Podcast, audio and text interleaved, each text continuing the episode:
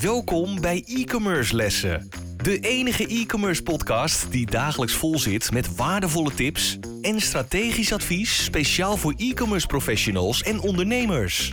Gegeven door twee ondernemers met vele jaren aan ervaring die hun strepen verdiend hebben in de marketing en e-commerce. Laten we beginnen met het verhogen van jouw e-commerce kennis. Hier zijn je leraren, Dries de Gelder en Alexis van Dam. Les 86. Ik ben Dries de Gelder. En ik ben Alexis van Dam. We gaan het hebben over traditionele marketing.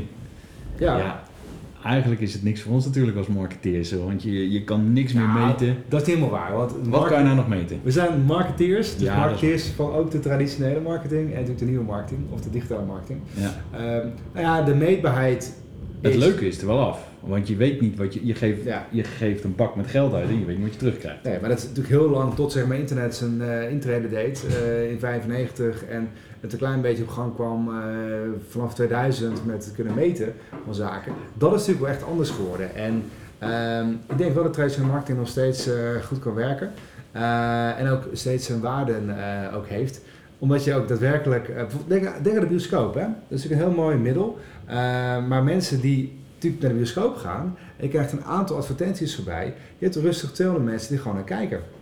En eh, die, die, die 200 mensen, die kunnen of op de telefoon kijken, of ze kijken naar elkaar, of ze kijken naar het grote licht wat voorbij komt. Dus hebt wel aandacht. En hoe je dat dan moet uitmeten en de vertaalslag moet leggen, wat komt er uit die advertentie van de bioscoop, zie je het gelijk terug in je webshop of in je winkel.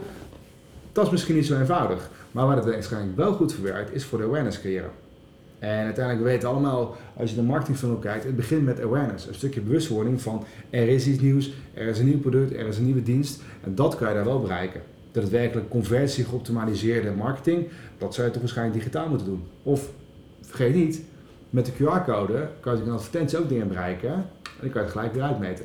Als je die QR-code goed zou gebruiken. Ja, ja, ja. maar eh, wanneer heb jij voor het laatst een QR-code gescand? Nou, dagelijks. Ja? Ja. Nou, nee, ik, ik bijna nooit. Ja, ik vind het, eh, nou ja, ik denk de QR-codes, dat ook misschien wel eens een onderwerp om over te hebben. Dat we nog niet gedaan hebben. Ehm, dat is ook een onwijs mooi middel, want het mooie daarvan is, dat is natuurlijk uitmeetbaar. Je kan natuurlijk allerlei codes genereren en koppelen aan campagnes en locaties waar je bent. Hè. Stel je zou een QR-code op een abri zetten, dat je elke abri een andere QR-code hebt. Nou, dan weet je dus precies welke abri waar staat, gekoppeld aan een QR-code. Dan zou je precies kunnen vaststellen welke wel werkt en welke niet werkt. Ja. Oftewel, wat wel, wel een goede plaats is en geen goede plaats is. En zo creëer je misschien, of zo maak je oude marketingmiddelen met hedendaagse technologie toch ietsje meer bij de tijd. Dat is zeker waar. Ehm, maar ja, weet je wel, eh, ik denk wel dat eh, voor traditionele marketing, ik denk voor inderdaad voor webshops, als je natuurlijk het hele land wil bereiken, maar misschien wil je ook gewoon, eh, je kan natuurlijk ook wel heel erg kijken met lokaal. Wij hebben het toen gedaan met Hemden Online, hebben we gewoon lokaal in bepaalde krantjes geadverteerd en kijken of we daar een piek zagen in bezoekersaantallen of kijken of we daar eh, piek zagen in de conversieaantallen. Op die manier zijn we ook gaan meten hoeveel traffic het genereert naar je website toe. En zo kan je natuurlijk wel heel leuk lokaal kan je adverteren. En dan, eh, je weet echt het 100% resultaat weet je nooit. Maar dat het goed is voor je branding, dat is sowieso. Ehm, en ik denk dat het ook wel weer leuk is om die markt aan te boren van zo'n lokaal suffertje. Om daar eens mee in gesprek te gaan. Eh, want je weet ook misschien als je met zo'n eh, zo'n verkoopjongen van zo'n advertentie over de vloer krijgt. Moet je maar eens doen. Dan krijg je hele leuke gesprekken. Je weet ook weer wat er een beetje speelt in de wijk, in de buurt, in de Ja. omgeving. En die informatie kan je ook weer gebruiken. Nou, en ik denk, kijk, eh, wat, wat misschien met digitale marketing en alle ad-optimalisatie dingen, het, wordt op een gegeven moment heel erg klinisch. Het wordt ook mooi inzichtelijk gemaakt, maar het wil niet zeggen dat elke ad op Facebook eh, uitbetaalt in, eh, in klinkende munt. En, en, en dat ook met zo'n lokaal surfertje ook misschien niet. Maar wat, Ries terecht zegt, je hebt wel een goed bereik in zo'n, in zo'n lokale markt. Alleen het enige lastig is dan, wat heten, de attributie. Waar komt nou eigenlijk eh, het verkeerde vandaan? Dat is dan wat lastiger uit te werken. Behalve dan als je ziet, ik adverteer in een krantje en opeens dagen later of een dag later zie je dat mensen naar je website komen. Dan kan dat te maken hebben gehad met advertentie. Maar het kan ook toevallig wijs met iets anders hebben, te maken hebben gehad. En dat is dan wel belangrijk als je traditionele marketing eh, gaat mixen met digital marketing. Zorg dan even als je dat doet, dat je dan niet ook een digitale campagne draait. Want dan wordt het namelijk wat lastig uit te meten wie nog waar vandaan komt. Eh, of je zou het kunnen zeggen, digitaal kan je dan eruit halen en de rest is dan automatisch traditioneel. Eh, maar zorg ervoor dat je dan één campagne per keer doet, dat je een beetje weet waar het vandaan komt. Maar ik denk nog steeds dat voor bepaalde eh, bedrijven uh, traditionele marketing behoorlijk goed kan werken. Zeker. Uh, wat, ik, uh, wat, wat heel belangrijk is, is uh, dat hoor je heel vaak in het ondernemerschap. ga eens in de lokale omgeving waar je zit met je bedrijf, ga daar eens een, een, een sportclub sponsoren of ja. een jeugdteam sponsoren of hang eens een keer een bord op en ga eens een keertje naar die wedstrijden kijken en, en, en meng je eens tussen die publiek. Dat werkt heel veel, heel veel goodwill.